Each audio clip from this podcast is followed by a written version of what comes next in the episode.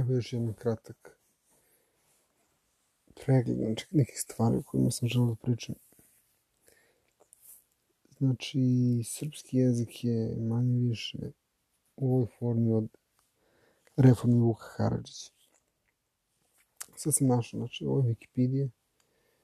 On je, kako se zove, Vuk Karadžić, rođen u Tršiću 1787. godine. Osmansko carstvo u tom trenutku išao po Beču. Znači, obično neki pezant koji je slučajno se tu našao, slučajno upoznao neke ljude iz male sredine. Niko nikad nije čuo za njega. Odjednom on je, on je prijatelj i sa Obrenovićima i sa Dositejem i sa stranim, kako se zovu, piscima. I evo tu, na primjer, upoznao je Jerena, Jerena Kopitara dok je bio cenzor za vreme nekih srpskih ustanaka. Uh, Branko Radičević Ortak.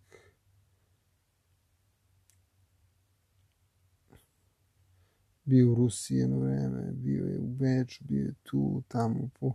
Znači, bukvalno život koji može da ima pleboj u 21. veku. Ovaj, oni skupljaju znači, sve te priče, skupljuje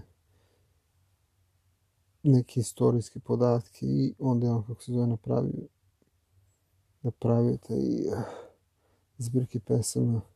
Ali ono što je sad je braći Grimm su bili s njim.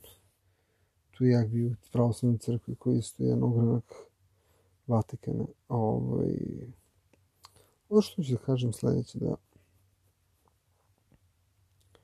ono što mi u stvari znamo, bazira se, znači, na primjer, Vuk upoznao Filipa Višića i onda je on kao neke priče o kosovskom boju prenosio. Cela ta priča, taj kosovski boj, tih 400 godina po Turcima, e, da smo mi došli od nekle, da su tu neki bili pod nama, da smo mi bili pod nekim. To su, to su imbecilne priče. Možda je bilo malo nekog vremena neko bio po Turcima. Ne postoje nijedna, na primjer, ne postoje neke knjige, ne postoje neki pisci. Znači, mi 400 godina, kao da smo u nekom inkubatoru, ono, čekaš da, da se izležeš iz jajeta i odjedno se pojavlja on i onda za njim gomila pisaca i tu kreću priče. To su veoma dobre knjige iz ovog perspektive, isto gledano, dobri pisci. Šta je bilo 100 godina pre toga? Šta je bilo 200 godina pre toga? Gde su bili ti ljudi? Niko ne zna. Odjedno se pojavio neki čovjek iz neke šume. Pa se te Tršić sad, dan danas da se ode. To je, to je Selender. Tršić je mesto blizu Loznice, Mačanski okrug, granica sa Bosnom. Evo, koliko ima ljudi uopšte tu? Vidimo na Wikipediji da li piše koliko Mačanski, poštanski pozivni 015.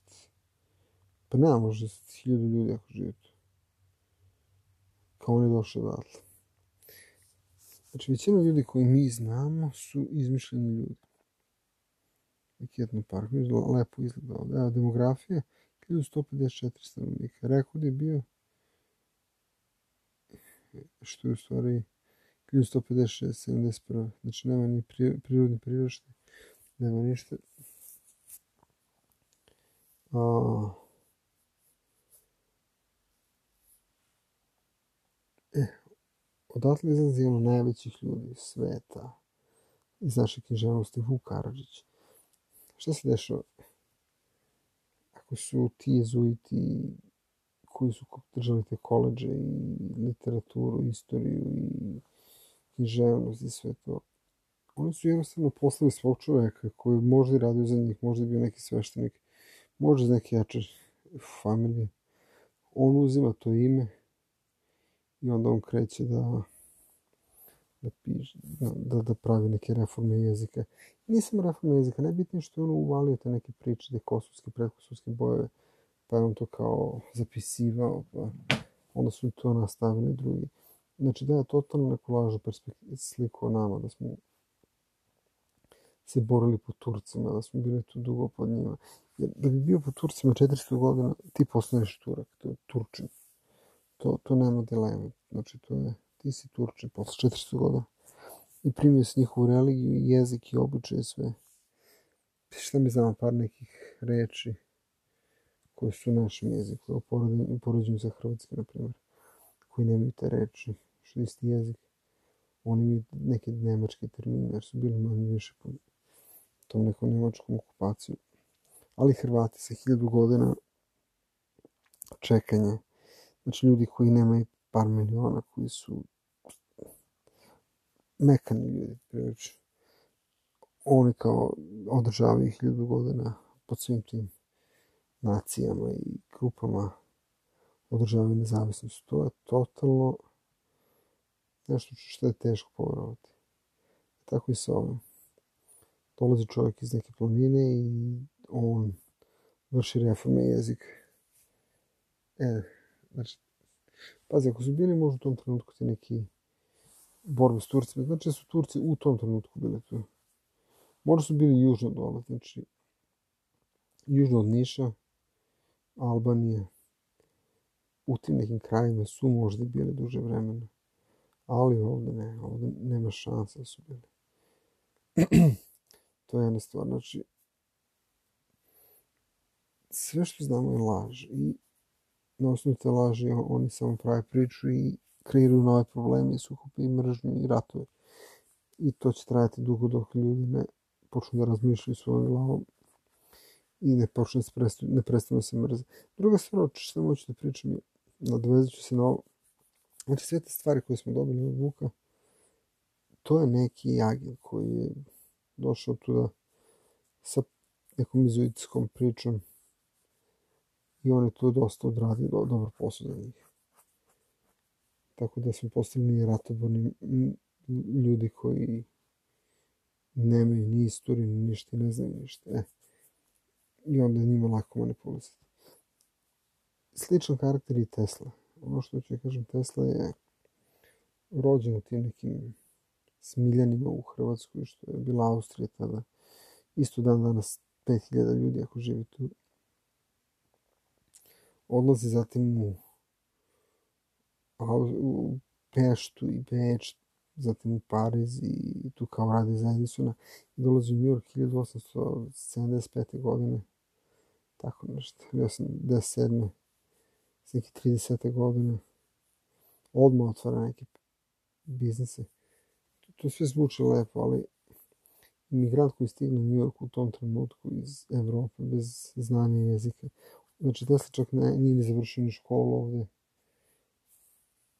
bukvalno si outsider, jer ja sam lično bio u celoj toj priči sa New Yorkom, do, dolazeći kao outsider i tu stvarno nema šta da tražiš. E, šta se doću kažem je, odjednom taj čovjek postaje glavni za neku celu tehnologiju nauku na svetu. I on se tu bori protiv elite, oni njega mrze, oni njega hoće da ubiju. Čovječe, da, da, da su njega oni mrzeli toliko. U tom Njurku, krajem 1880-90. ti bi nestao. Tesla je učestvovao u Chicago Fair, pričat o tome kasnije posle čega je nastao veliki požar u Čikagu. Ako pogledate slike Čikaga iz svog vremena, izgleda kao Rim. Znači, cela istorija koju mi znamo je prepisana, prepravljena i to pre nekih 200 godina. Bio bio neki reset u tom trenutku i to je to. I, na primjer, te katedrale i te visoke kula što su pravljene, one su imali tu, tu tehnologiju svo vreme šta je sa Teslom? Tesla je neki čovjek koji možda i postoji tu. Neću kažem da nije postoji, možda je bio u Njurku, možda čak bio naučnik, ali da je on to izmislio, to, znači, to je isto kao i Šekspir. Našli su nekoga koji tu da na njega stave sve te stvari. Oni su imali tehnologiju, našli su čovjeka koji je, e, evo, ti si to izmislio. Daju malo po malo, znači, što i dan danas. Ako mislite da je Steve Jobs izmislio iPad, da je Elon Musk slao ne znam, na, na Mars i Mesec neka kola. Oni to nisu radili. Oni su samo neki cover ljudi tu, frontmeni. A koji za to niko ne zna.